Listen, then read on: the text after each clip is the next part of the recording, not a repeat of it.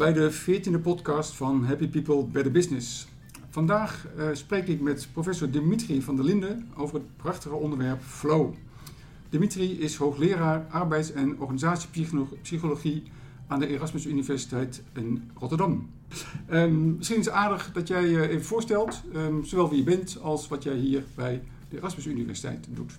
Ja, mijn naam is uh, Dimitri, ik ben hoogleraar hier. Um, ja, ik, uh, hou me met verschillende lijnen van onderzoek hou ik me bezig eigenlijk. het zijn lijnen die uh, zich soms deels onafhankelijk van elkaar zijn, maar soms elkaar ook raken.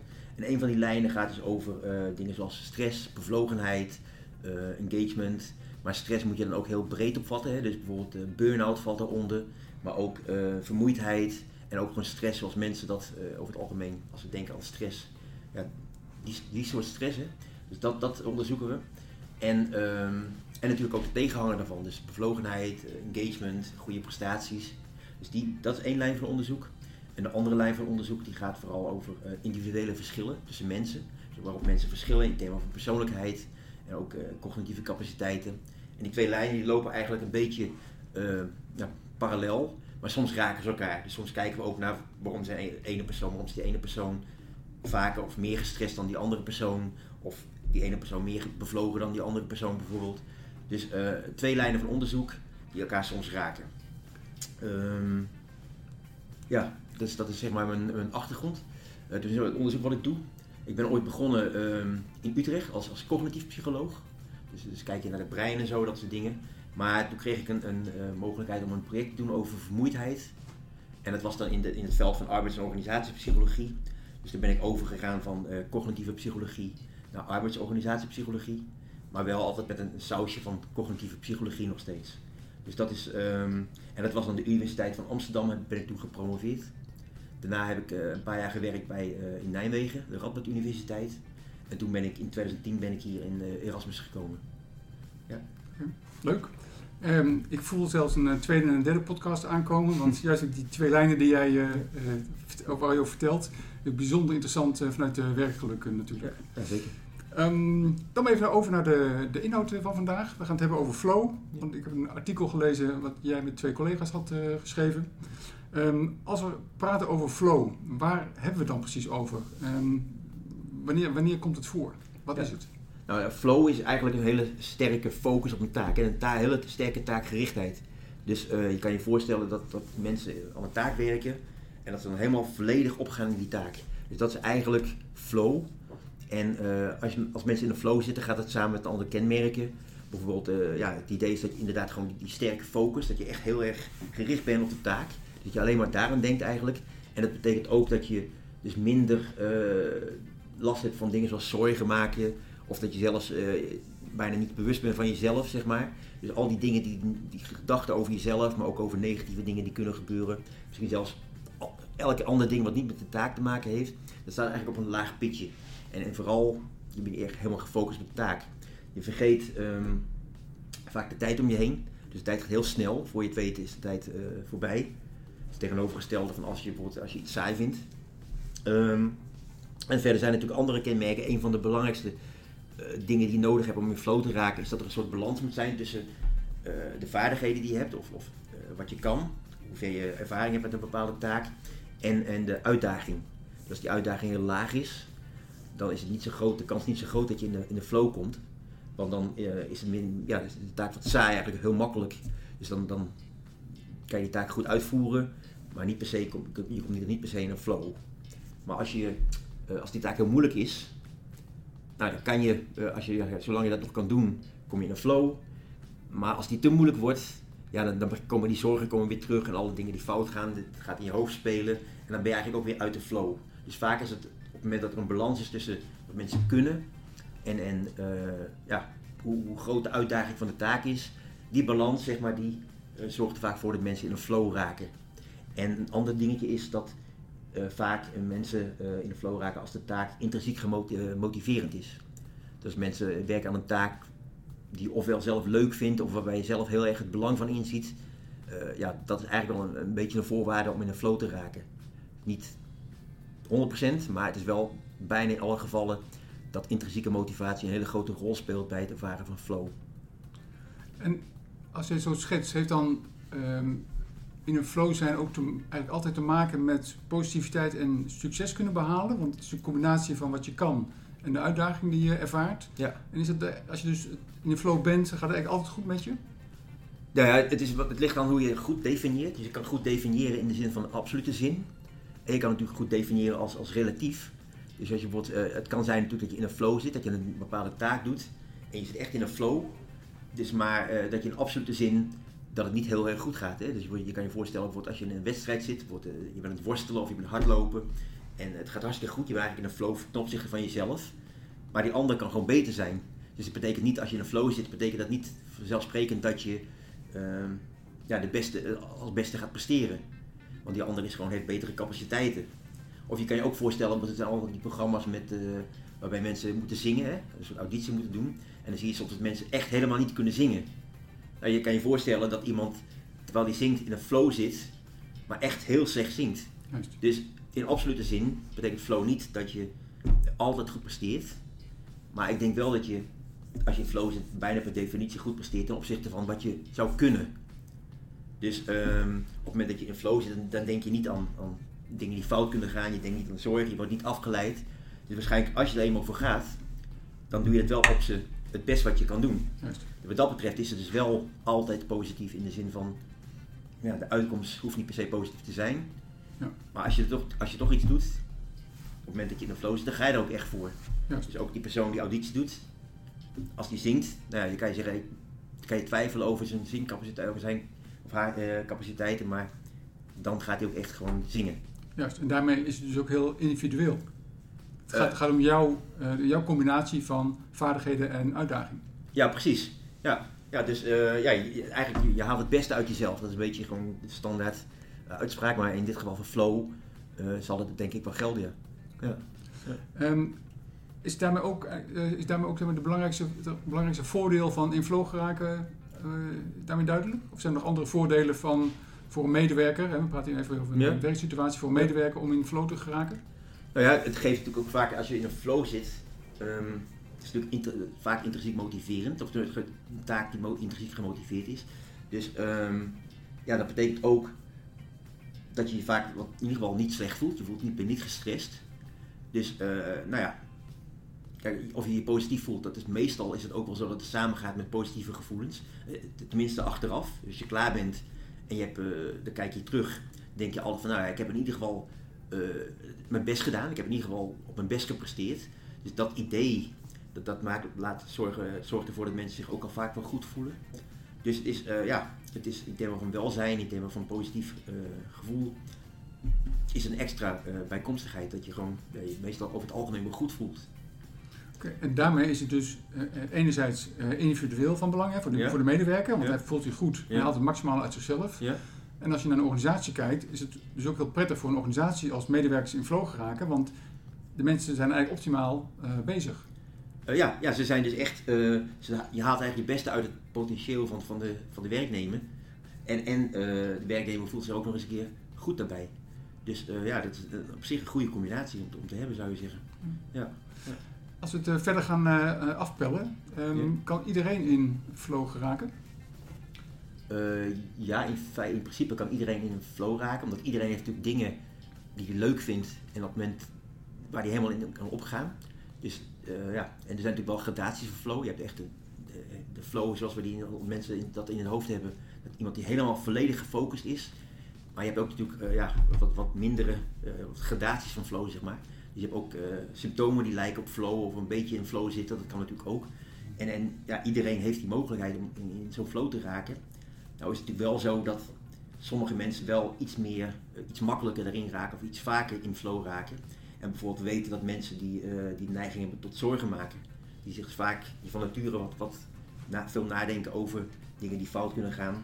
Ja, als je, dat, als je die neiging hebt, dan is het natuurlijk ook moeilijk om in flow te raken, want die twee zijn niet, eh, ja, die zijn niet in overeenstemming met elkaar. Dus als je heel veel zorgen maakt, ben je bijna per definitie niet in een flow. Dat kan, dat kan niet. Die, die- ook die hersensystemen waar, we- waar we ook in, over schreven, Mhm. die zijn eigenlijk tegengesteld. Die ene is een focus op de taak en die andere is een systeem wat eigenlijk een rol speelt bij het nadenken over jezelf en over wat er zou kunnen gebeuren. En je ziet dat als die ene actief wordt, wordt die ander juist minder actief. Dus op het Het moment zijn dat je, communicerende vaten eigenlijk. ja, precies. Ja. Ja.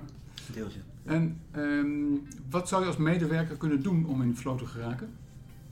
Ja, wat je zou kunnen doen, je moet natuurlijk, het beste is wat je zou kunnen doen, is dat je vooral richt op taken die je in ieder geval ofwel leuk vindt te doen, of de, de, waarbij je, waar je goed in bent, hè, waar je dus eh, in ieder geval die taak, die aan- uitdaging van die taak heel goed aan kan. Ehm, dat is natuurlijk ook belangrijk. Ehm, ja, maar dat kan niet altijd natuurlijk ook. Dus dat is een beetje een, een puntje. Maar in principe heb je wel binnen een, een baan. de- ik weet niet of je van de term jobcrafting Ja. wel eens gehoord hebt. Ja. Nou ja, bijvoorbeeld, je hebt wel binnen elk, elk werk heb je wel een set van taken. Waarbij je zeg maar, gegeven jouw capaciteiten of jouw interesse, bepaalde taken naar je toe kan trekken en andere wat meer kan afschuiven. Dus eh, dan zou je zeggen, nou, dat, in dit geval, als je dat doet, dan is de kans dat je in een flow raakt natuurlijk groter dan als je taken doet die je eigenlijk niet leuk vindt. Ja. Dan kost je ook meer energie om, eh, om, om dat te doen natuurlijk. En ook dus- in termen van welzijn is het ook, eh, ja, heeft ook een effect.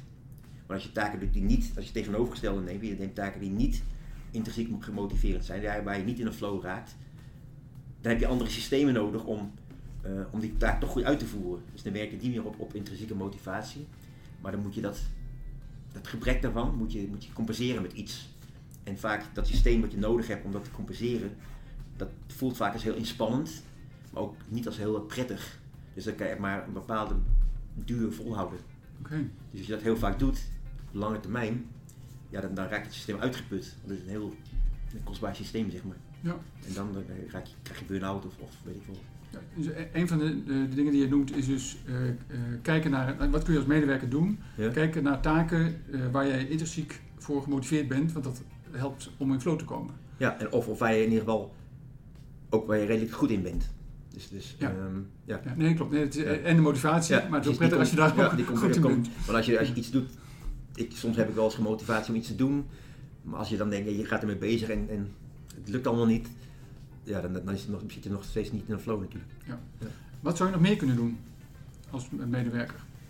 Want ik, ik zoek mijn taken uit hè, en ik, Ja. waar ik- die en kan eh, en, en waar ik voor gemotiveerd ben. Ja. Ga ik naar mijn slag. Zijn er nog andere dingen die, waar ik dan de rekening mee kan houden? Nou, we hadden het net over bijvoorbeeld eh, zorgen maken. Hè? Dus ehm, ja, je kan je voorstellen dat los van de intrinsieke en motivatie en de, de challenge, de, de, de match tussen de, wat je kan en wat, je, wat de uitdaging is, ehm, is het ook als je zorgen maakt, dan is de kans op flow kleiner. Dus als je iets zou kunnen doen waardoor je die zorgen wat, wat meer naar de achtergrond kan schuiven, dan is de kans natuurlijk ook groter dat je in een flow raakt. Ja. Het is een beetje ja, wel een- wat ingewikkelder rond wat komt eerst, kip of het ei. Ja. Dus als je een flow raakt, dan heb je eh, minder zorgen. Maar je kan ook zorgen als je minder zorgen hebt, dat je eerder in een flow komt. Dus het is een beetje ja, samenspel, zeg maar. En als je naar hele eh, praktische dingen kijkt, ehm, is het handig om juist eh, afgesloten te zijn? Ehm, dat je even apart op in een aparte kamer zit, of dat je op andere manieren zeg maar, voorwaarden creëert waardoor jij als medewerker makkelijker in flow kan raken? Ja, dat hangt een beetje van de taak af, denk ik. Hè. Dus ehm, ja, als je, als je echt bijvoorbeeld moet schrijven, als je iets, of iets waar, waar, wat heel veel concentratie nodig heeft, dan is het natuurlijk makkelijk om in een flow te komen als je niet heel veel afgeleid wordt. Ik bedoel, in principe als je in een flow zit, word je ook niet zo makkelijk afgeleid. Maar dat gaat maar tot zover natuurlijk. Hè. Dus als, als die omgeving heel veel prikkels geeft, dan wordt het wel steeds moeilijker om erin te blijven. Dus als je echt iets doet wat, je, wat, je, wat concentratie nodig heeft, dan moet je afschermen denk ik. Want je moet dan die distractors, die afleidingen moet je zeg maar buiten houden.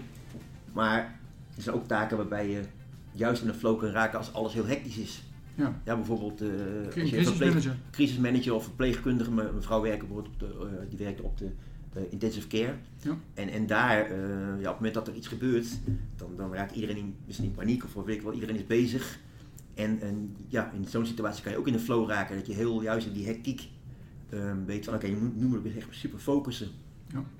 Dus het ligt een beetje aan de taak van wat je, ehm, ja, wat, de meest eh, gunstige omstandigheden zijn voor flow.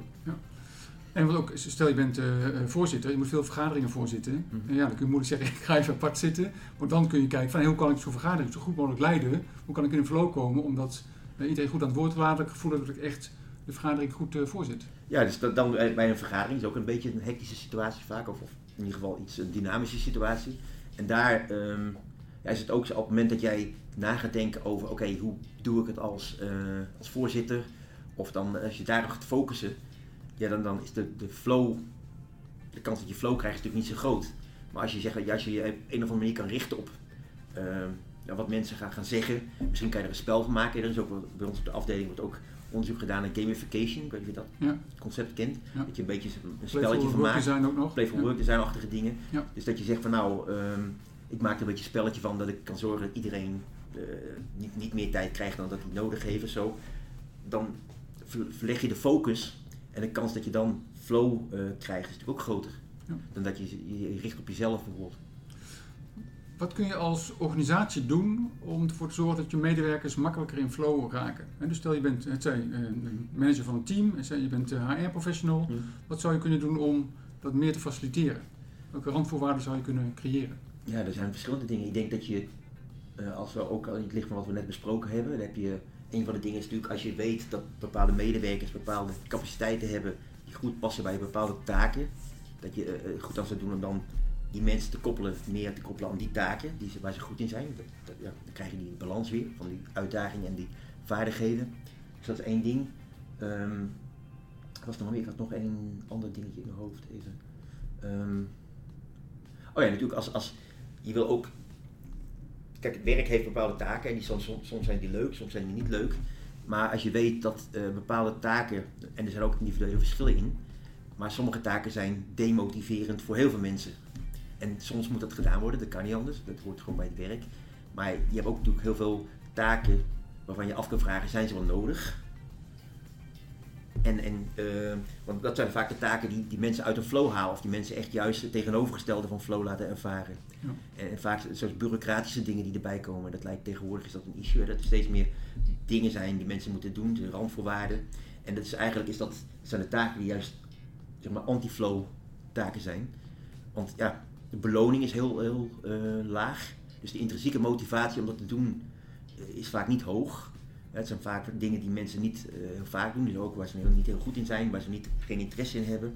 En dat is dan krijg je, dat krijg je het tegenovergestelde effect.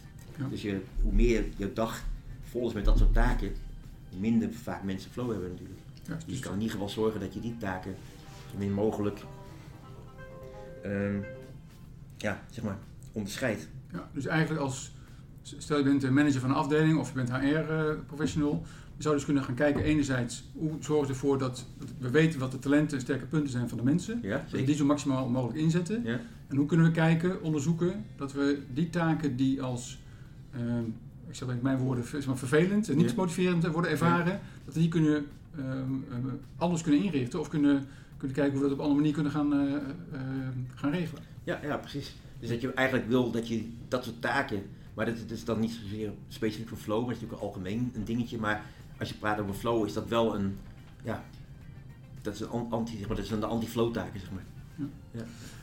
Even terug naar de medewerker. Ehm, hoe weet ik eigenlijk of ik in een flow zit?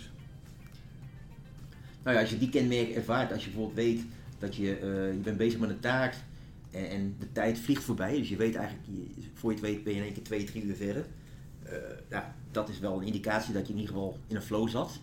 Dus ehm, als, je, als je die uitdaging van de taak hebt, ge- hebt gemerkt, hè, dus ehm, ja, en, en vaak merk je dat natuurlijk pas achteraf. Op het moment wat is een beetje tegenstel, als je zeg maar, zou beseffen dat je in een flow zit, dan ben je er eigenlijk alweer uit. Dus dat is ook een beetje, ja, ook eh, als je denkt in termen van onderzoek, ze ze zeggen vaak van flow wordt gekoppeld aan eh, positief affect, hè, dus aan geluk bijvoorbeeld. Ik denk als je kijkt naar de wetenschappelijke kant, is er nog wel wat vraag bij of je tijdens de flow zelf per se eh, heel vrolijk bent. Ja. Het is meer als je klaar bent en je kijkt terug naar je prestatie, dan, dan ben je vaak vrolijk en dan heeft het een goed effect.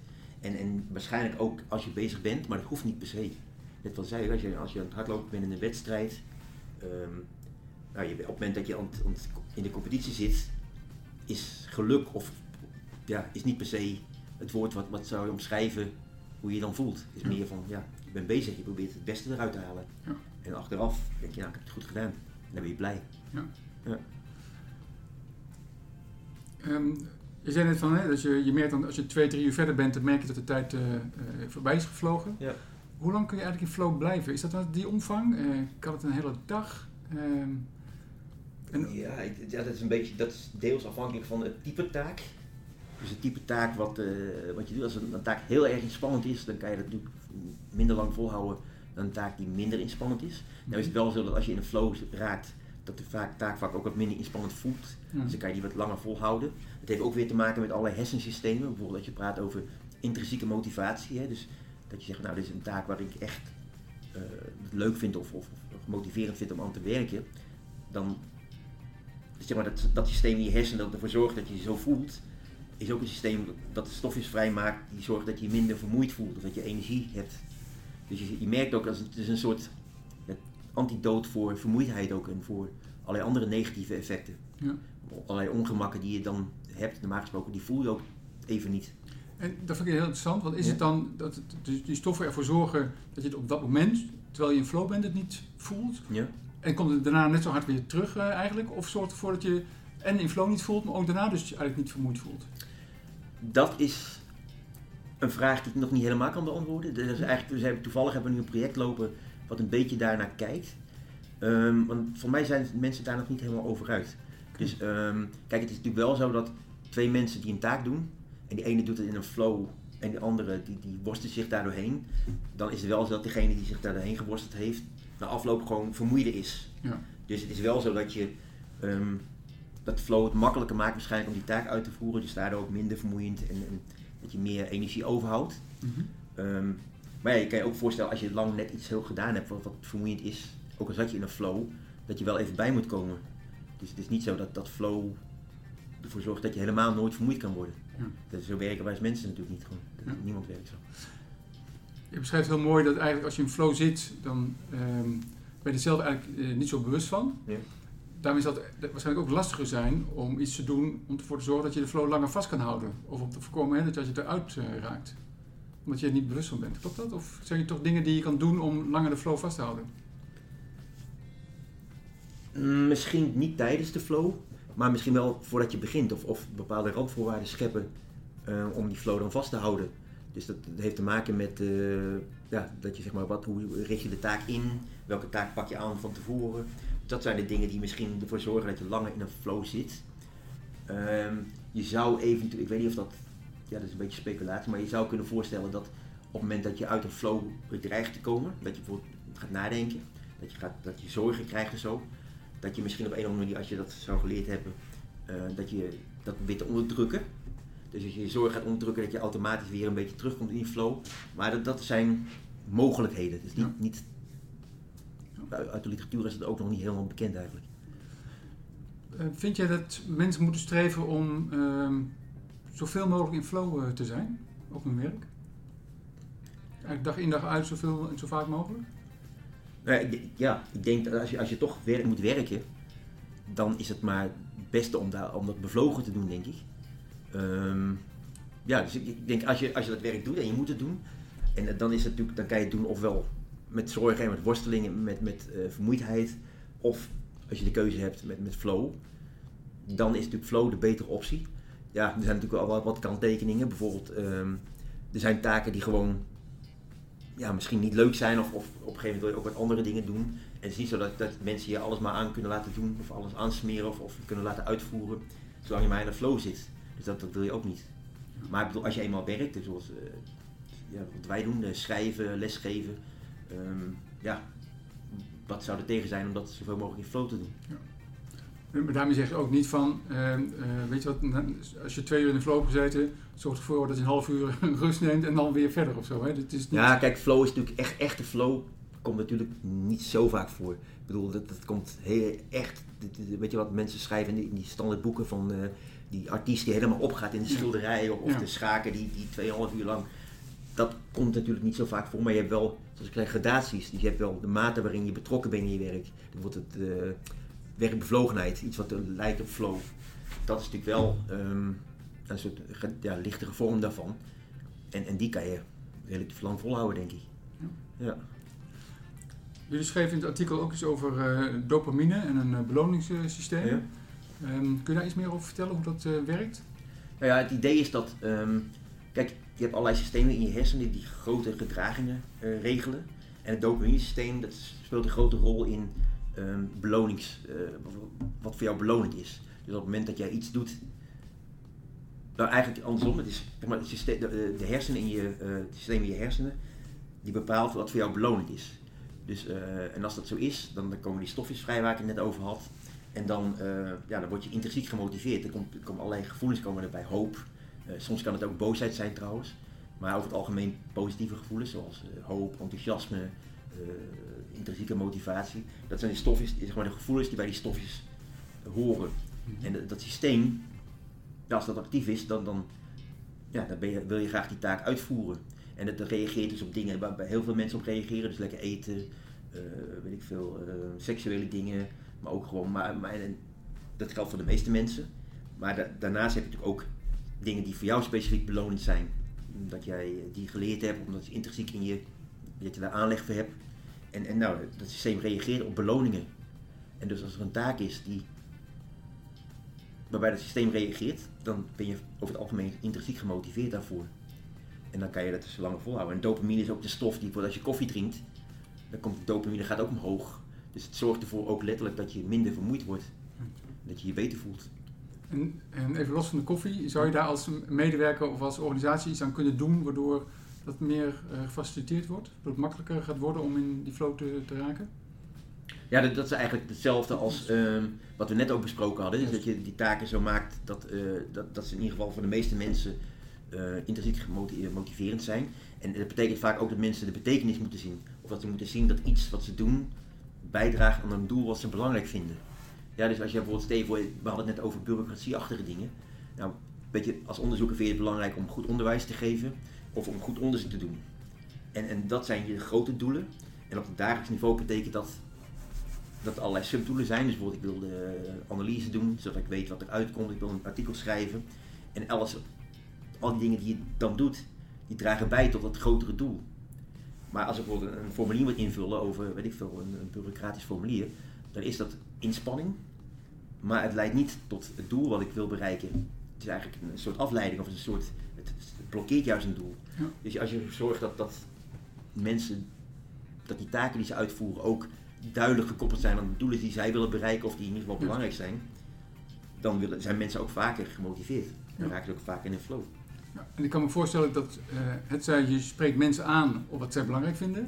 En uh, je werkt niet uh, zomaar bij een organisatie. Ook de organisatie heeft hopelijk ook mooie doelen waarvoor zij staan. Dus als ja. je die verbinding zou kunnen leggen, joh, wat we nu gaan doen is heel erg belangrijk, want dat vind jij belangrijk. Maar ook wij als organisatie kunnen echt een bijdrage leveren aan ons, nou, onze why. Hè, als Dat het misschien ook stimulerend is voor mensen. Dus ik zat op die manier ook aan een, die beloningskant te, te denken. Of daar iets in zou kunnen zitten. Hè. Dus continu, of continu af en toe laten zien waarvoor we dit eigenlijk allemaal doen met elkaar. Ja, klopt. Als mensen, dus als mensen inderdaad zien waarvoor iets, uh, dat iets goed is. En, en dan hebben ze dat in hun hoofd dus, zeg maar, zo geïnterpreteerd. Dan is natuurlijk de kans ook groter dat het systeem, uh, maar ook gewoon ja, de gevoelens die erbij horen, dat die leiden tot uh, meer intrinsieke motivatie. En dat ze dus meer ja, bevlogen in ieder geval met die, die taken bezig gaan. Ja. En als daar um, als, als taken zijn die zeg maar, waarvan je zegt, nou ja, bijvoorbeeld een, een verpleegkundige inderdaad, laten we dat maar weer als voorbeeld nemen. Ja, die wil graag mensen helpen, die wil graag mensen verschonen, verzorgen. En, en dan, als er daar een formulier moet invullen van wat heb je nou net gedaan, en het is niet duidelijk waarom je dat zou moeten doen, Juist. Ja, dan is die, die, die, die koppeling tussen wat de persoon leuk vindt, wat eigenlijk de organisatie ook als groot doel heeft. Plus wat je dan op dat moment moet doen, ja, die is gewoon mis. Die, die is niet aanwezig. Of heel, heel laag aanwezig. En dan uh, gaat het niet goed. Ander onderwerp. Um, wat ik zie is dat, um, zeker in de kennisintensieve organisaties, mensen gaan vaak van de ene vergadering naar de andere vergadering, hebben de ene keer een wat actievere bijdrage dan de ander, en vervolgens weer kunnen ze even achter hun bureau zitten, uh, het moet al snel nog dingen opleveren. Het is redelijk hectisch, uh, veel snelle uh, afwisseling. Hm. Ehm, hoe kun je dan in zo'n dag nog in flow geraken? Als er zoveel hectiek om je heen is, mensen klagen ook over die drukte en zo. Wat kun je dan doen om. De hectiek zelf is niet per se iets, zeg maar, niet in overeenstemming met flow. Je kan natuurlijk heel hectisch zijn en dan toch in een flow raken. We hadden het net al gehad hè, over die uh, verpleegkundige, de, de IC. En denk je, alles gebeurt en allerlei dingen gebeuren en heel hectisch. Maar mensen raken wel in een flow. En of, of bijvoorbeeld vroeger bij de beurs, met de aandelen handelen, iedereen loopt met elkaar te schreeuwen. Dus dat hectiek zelf is niet, um, is niet tegen flow. En het eigenlijk zelfs in sommige omstandigheden kan het juist flow oproepen. Maar in de zin van drukte, in de zin van dat je eigenlijk altijd heel veel dingen tegelijk moet doen. En dat je eigenlijk, je bent iets bezig. Maar ondertussen denk je al van ja, ik ben, ik ben nu hier tijd aan het besteden. Maar ik moet eigenlijk het andere doen. Ja, dan krijg je weer die zorgen en die, die, niet die focus eigenlijk. En dan zorgt drukte ervoor dat je juist niet in een flow komt. Dus het is ook wel handig als je soms die taken die je moet doen, dat je daar een bepaalde tijd voor hebt. Of dat je een bepaalde ja, inspanning kan leveren om die taak goed uit te voeren. En dat je niet, ehm, ja, ja, met schrijven, bijvoorbeeld als, voorbeeld eh, het schrijven van artikelen. Dat, is, dat, kost, dat kost energie, daar moet je vaak een, een tijdje voor gaan zitten. En als ik het dan heel druk heb, dan weet ik van, oh, dan ga ik zitten schrijven. Maar dan weet ik, ik moet eigenlijk ook nog eh, het formulier invullen, ik moet ook de student er even beantwoorden. En dan is het best moeilijk, omdat je constant in je hoofd hebt, dat je je schuldig voelt dat je zeg maar Ja. eh, die taak dan op dat moment uitvoert. En dan raak je niet in de flow. Eh, even iets breder, hè, want je gaf in het begin ook al aan het over, over stress. Eh, voor mij hebben we een burn-out percentage van eh 20% of zo, is 18, 19, 20%. Het ligt aan, je, aan, de, aan de definitie. Ja, maar, maar- maar- ik vind het heel, heel fors. Ja. Ehm, dat zal ongetwijfeld ook hiermee te maken hebben dat er meer wordt gevraagd van mensen dan ze eigenlijk aankunnen. Ja, dus deels is het, eh, er zijn verschillende ideeën daarover. Een van de ideeën is dat, dat er gewoon meer gevraagd wordt. Dit is letterlijk gewoon het werk ehm, ja, zwa- zwaarder is geworden in de zin van, kijk, het is misschien niet zwaarder geworden, want dingen worden wel lichter. Hè. Bijvoorbeeld als je kijkt naar eh, de fysieke lasten die mensen moeten tillen. Maar ook misschien, eh, vroeger moest je dingen met de hoofd uitrekenen. Dat gaat nu allemaal automatisch. Dus wat dat betreft is het deels wel lichter geworden. Alleen wat er gebeurt is dat je dan, je hebt minder rustmomenten, minder interne rustmomenten. Dus vroeger was het gewoon, dan moest je bijvoorbeeld als je een, eh, iets uit moest rekenen, dan moest je daar heel rustig voor gaan zitten en dan ging je dat uit je hoofd, ging je die berekeningen maken en dan was je misschien een uur verder. En dan kwam, moest je even bijkomen en dan ging je aan je andere taak verder.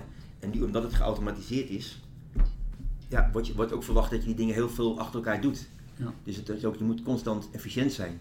Dus dat is één dingetje. En dat is eigenlijk gewoon de drukte, die, eh, gewoon drukwerk. Als je het heel lang hebt je moet zoveel dingen tegelijk doen, dat is een standaard eh, factor zeg maar, die een rol speelt. Maar wat de andere is, denk ik ook wel, dat is ook iets wat ik persoonlijk denk, is dat heel veel mensen dingen doen die ze eigenlijk niet per se leuk vinden. Dus ehm, iedereen denkt van oké, je gaat naar school en dan ga je naar school, ga je, doe je kiezen voor een opleiding. Als je die opleiding hebt gekozen, er zijn altijd opties. En bepaalde opties geven op het status, of, of die, die leiden tot eh, meer geld of meer status, of, of meer weet ik veel wat, wat je denkt dat mensen dat leuk vinden. En dan ga je in die richting. En dan blijkt dat je eigenlijk helemaal niet leuk vindt. Of, of je zegt tegen jezelf dat je het leuk vindt, maar je lichaam weet beter. Wordt omdat je zelf niet zo'n persoon bent. Dus, en als je dat doet, dan moet je dus die, die intrinsieke motivatie is weer weg. En dan komen weer die andere systemen, die moeten dat weer compenseren. Maar ik zei, die systemen die, die moeten compenseren, die, zijn, ja, die voelen als inspanning, die voelen als zwaar. Ga ik, vaak, vaak gaat het ook gepaard met lichamelijke arousal, stressachtige dingen. Dus die kan je maar een bepaalde tijd volhouden. Dat kost je steeds meer energie om, om dat systeem te overrulen, zeg maar. Dus dat is waarschijnlijk ook een deel van de burn-out. Hè. Dus je ziet ook met vaak, want als het alleen maar heel druk zou zijn, zou je verwachten dat mensen die heel lang werken, voor heel, heel lange tijd, dat die juist burn-out raken. Maar het is ook een heel grote groep van jonge mensen die net begonnen zijn, die burn-out raken. Die merken en die hebben een idee van ik wil dit werk, ik wil, laat ik hem nog eens een keer verpleegkunde doen, of ik wil politieagent worden, of weet ik veel wat. Ja. Dat, dat is werk.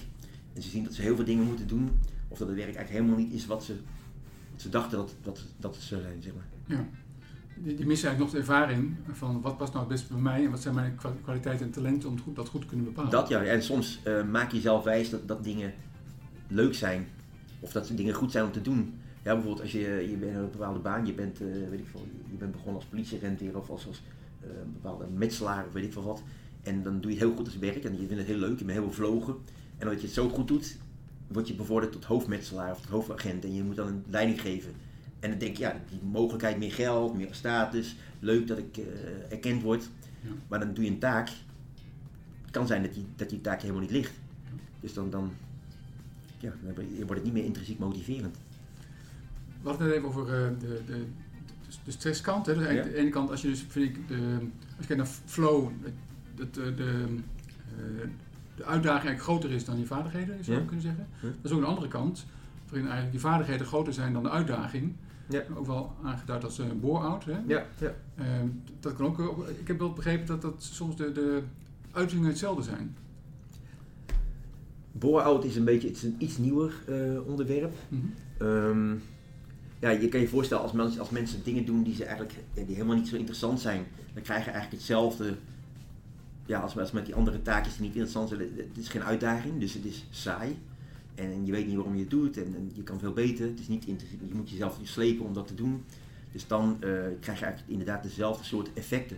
Dat mensen, dus dan is het niet zozeer de werkdruk waar we het eerder over hadden, die dan bijvoorbeeld voor een burn-out kan zorgen. Maar meer voor dat je constant dat andere systeem moet gebruiken om, om je te dwingen iets te doen wat je eigenlijk helemaal niet leuk of motiverend vindt. Dus dat, dat is, eh, wat dat betreft is het wel hetzelfde denk ik. Ja. Nog even op andere manieren de, de diepte in. Ja. Ehm, als ik eh, met volleybal bezig ben, Hm. ehm, dan wordt er een bepaalde eh, eh, combinatie van uitdaging en vaardigheid bij mij komt naar boven toe. Ja. Als ik een, paar uur later aan het werk ga, dan is dat weer een andere combinatie van vaardigheden en uitdaging. Hm.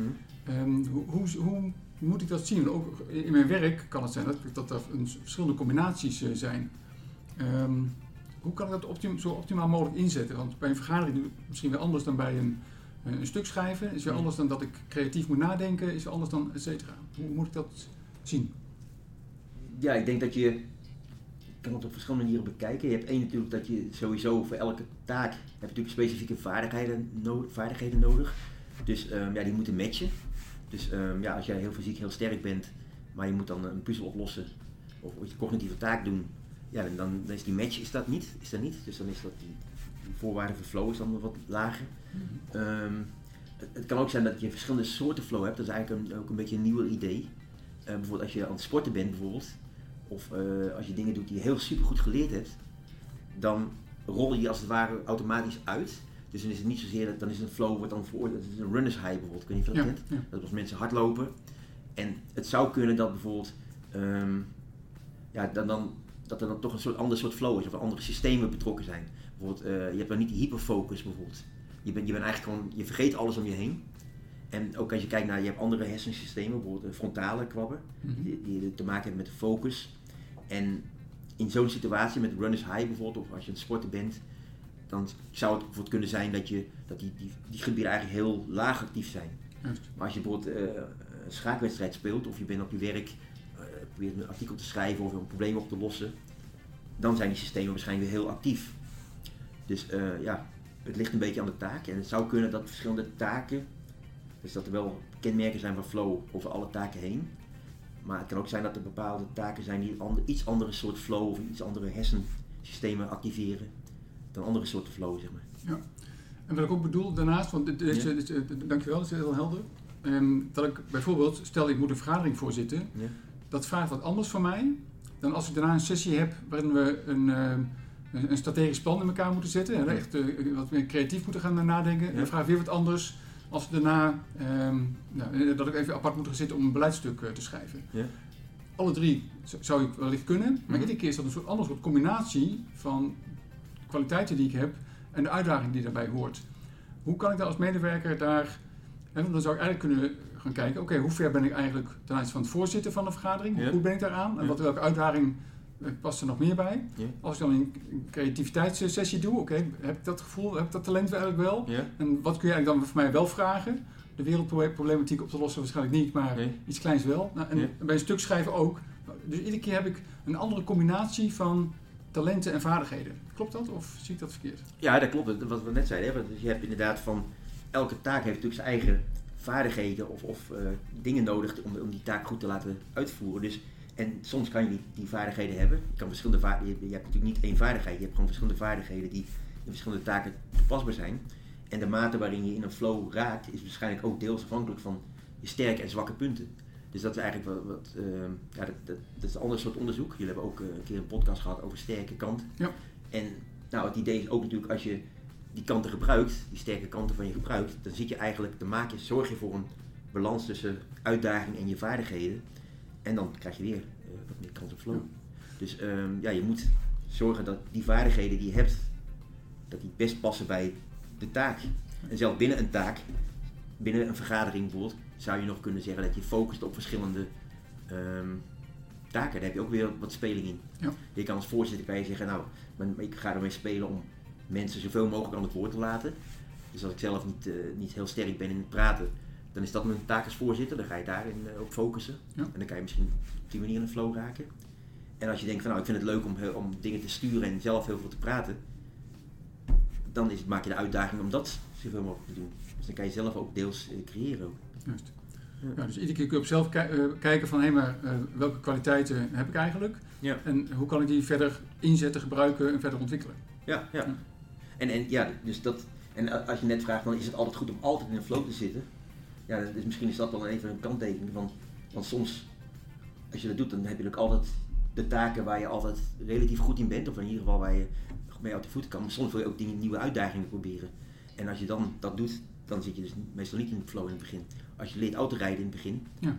dan is het geen flow. Nee. Of als je, eh, en soms moet je niet in een flow zitten als je die nieuwe dingen wil leren. Ja. Dus, ja, dus dat is even wat we net hadden over. Is het altijd goed om in een flow te zitten? Ja. Nee, dus, dus, dus niet goed als je komt mo- moeilijk vooruit eh, als je. ehm, is, is dat, sorry, Ja. als, als vraag, is dat wat je zegt? Kom je dus moeilijker vooruit?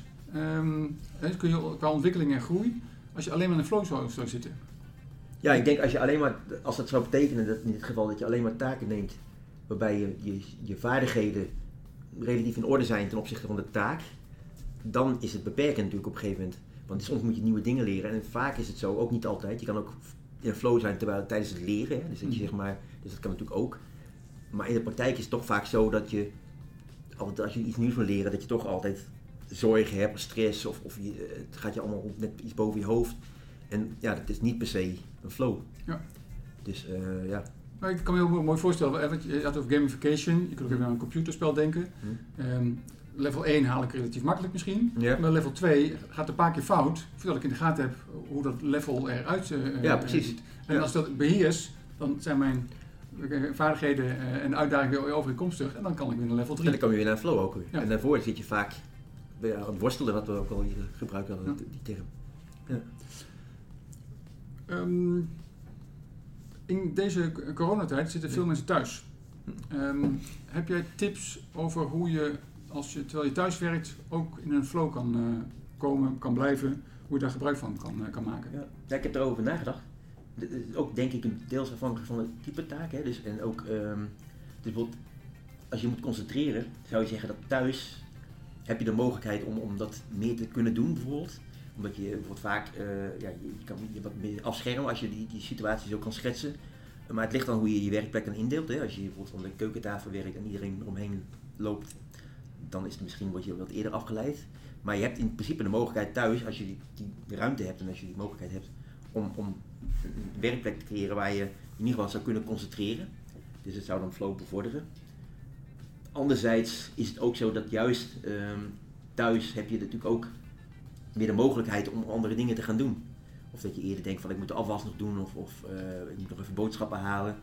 Dus ja, dat is een beetje in tegenstrijd zeg maar. Je zou zeggen enerzijds heb je thuis meer mogelijkheden om een situatie te creëren om flow te krijgen. Als het gaat over concentratietaken. Mhm. De andere eh, kant is dat je misschien ook wel meer, wat meer mogelijkheden hebt om juist afleiding te zoeken. Maar, als je, maar er zijn ook mensen die raken, vooral, die raken eigenlijk niet in flow als ze moeten gaan zitten achter de computer. En die raken juist in een flow als, ze, als het hectisch is, als, het, als het druk is. Dus, en dan is een thuiswerkplek natuurlijk wat saaier. Ja. Ja. En eigenlijk, als ik het zo'n beetje samenvat, het zou ook een tip kunnen zijn, maar dat geldt niet alleen maar voor thuiswerken, dat iedere keer als je, als je naar je agenda kijkt, hè, van goh, wat ga ik morgen doen, dat je gaat kijken van hé, maar waar ben ik nou eigenlijk goed in en hoe kan ik dat morgen ook weer zo goed mogelijk gebruiken tijdens een, eh, een andere online sessie of als ik een stuk moet schrijven of als ik dat ga doen, dat je iets meer bewust bent van eh, wa- waar je goed in bent en waar je zelf ook eh, energie uit kan halen. Ja, dat, ja, denk ik, ja. En, en ook misschien in de termen van je doelen. Dus als, als je, wat- wat zei je, als je weet van dat is het doel en, en wat, iets wat ik doe eh, draagt bij aan een doel, dan, eh, dan is dat ook wel goed. Dus als je jezelf stelt van nou, weet je, soms heb je misschien dingen waar je niet zo goed in bent, maar je weet, eh ja, dat moet je toch oppakken om dat doel te bereiken. Dan is de, de skill balance, de, de vaardigheden en de uitdaging is misschien wat, wat lager dan optimaal. Maar dat compenseert dan weer omdat je dan iets werkt wat, wat wel in je hoofd leidt tot iets wat je heel graag wil bereiken. Ja. Dus dan is zelfs dan als het wat moeilijker is die taak, of wat nieuwer, dan, dan kan je ook wel in de flow raken, denk ik. hiermee zijn we aan het einde gekomen van de, de 14e podcast. En met uh, Dimitri van der Linden. Dimitri, enorm bedankt voor deze podcast. Ja, jij ook bedankt. Ja, en hopen dat we zoveel mogelijk in flow mogen raken. Ja, zeker. Ja. Happy people.